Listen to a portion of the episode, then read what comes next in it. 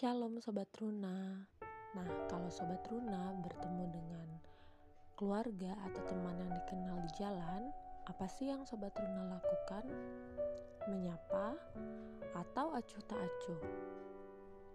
Inilah renungan kita pada SBTH Voice hari ini Bacaan firman Tuhan terambil dari Kolose 4 ayat 7 sampai dengan 14 semua hal ihwalku akan diberitahukan kepada kamu oleh Tikikus, saudara kita yang kekasih, hamba yang setia dan kawan pelayan dalam Tuhan. Ia kusuruh kepadamu dengan maksud supaya kamu tahu aku hal ihwal kami dan supaya ia menghibur hatimu. Ia kusuruh bersama-sama dengan Onesimus, saudara kita yang setia dan yang kekasih, seorang dari antaramu mereka akan memberitahukan kepadamu segala sesuatu yang terjadi di sini. Salam kepada kamu dari Aristarkus, temanku sepenjara dan dari Markus, kemenakan Barnabas tentang dia kamu telah menerima pesan, terimalah dia apabila dia datang kepadamu. Dan dari Yesus yang dinamai Justus.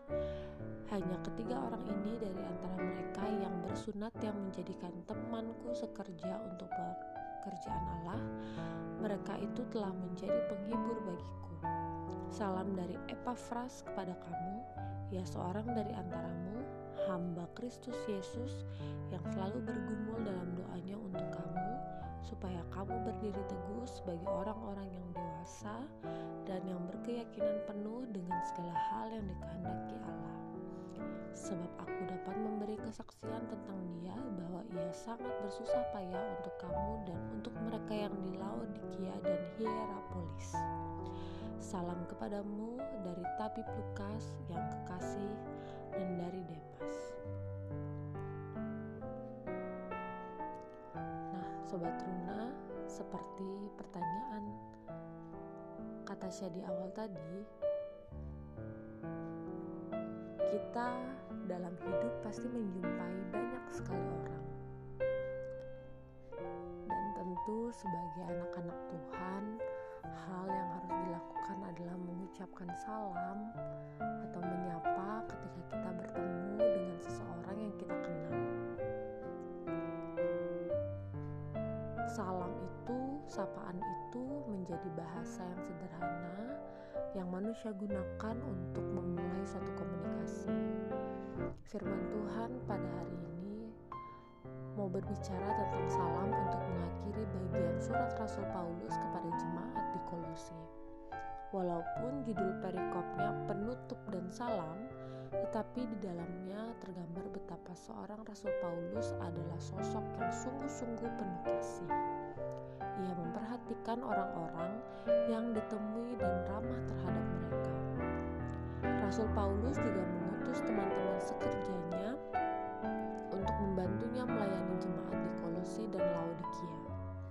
Orang-orang yang membantu Rasul Paulus melayani dengan sukacita. Tugas mereka adalah memberitakan Injil.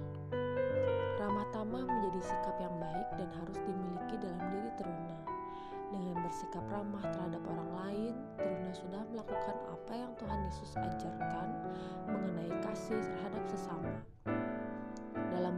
Negara kita, sikap yang ramah satu dengan yang lain menjadi sebuah ciri khas. Banyak turis mancanegara yang senang berkunjung ke Indonesia karena keramah tamahannya. Sobat Runa, Rasul Paulus dalam pengajarannya banyak mengajarkan dan mengarahkan kita untuk hidup kudus. Ia pun selalu memotivasi jemaat untuk hidup baik dalam lingkungan persekutuan jemaat. Ia juga mengajarkan kepada kita bagaimana memperlakukan sesama dengan penuh kasih. Apalagi di masa sekarang ini, ada banyak orang yang suka menyakiti sesama.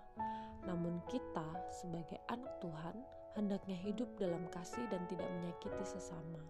Karena Tuhan Yesus sudah memberikan contoh bagaimana kita harus hidup dalam kasih.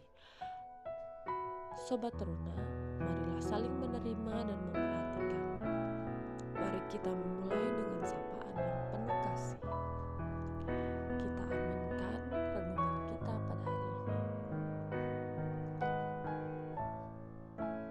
baik, ajar kami untuk menjadi pribadi yang ramah, pribadi yang mengasihi sesama kami dan saudara-saudara kami, baik yang seiman maupun saudara-saudara kami yang tidak seiman. Ajar kami untuk hidup dalam kasih, seperti Engkau telah mengasihi kami terlebih dahulu.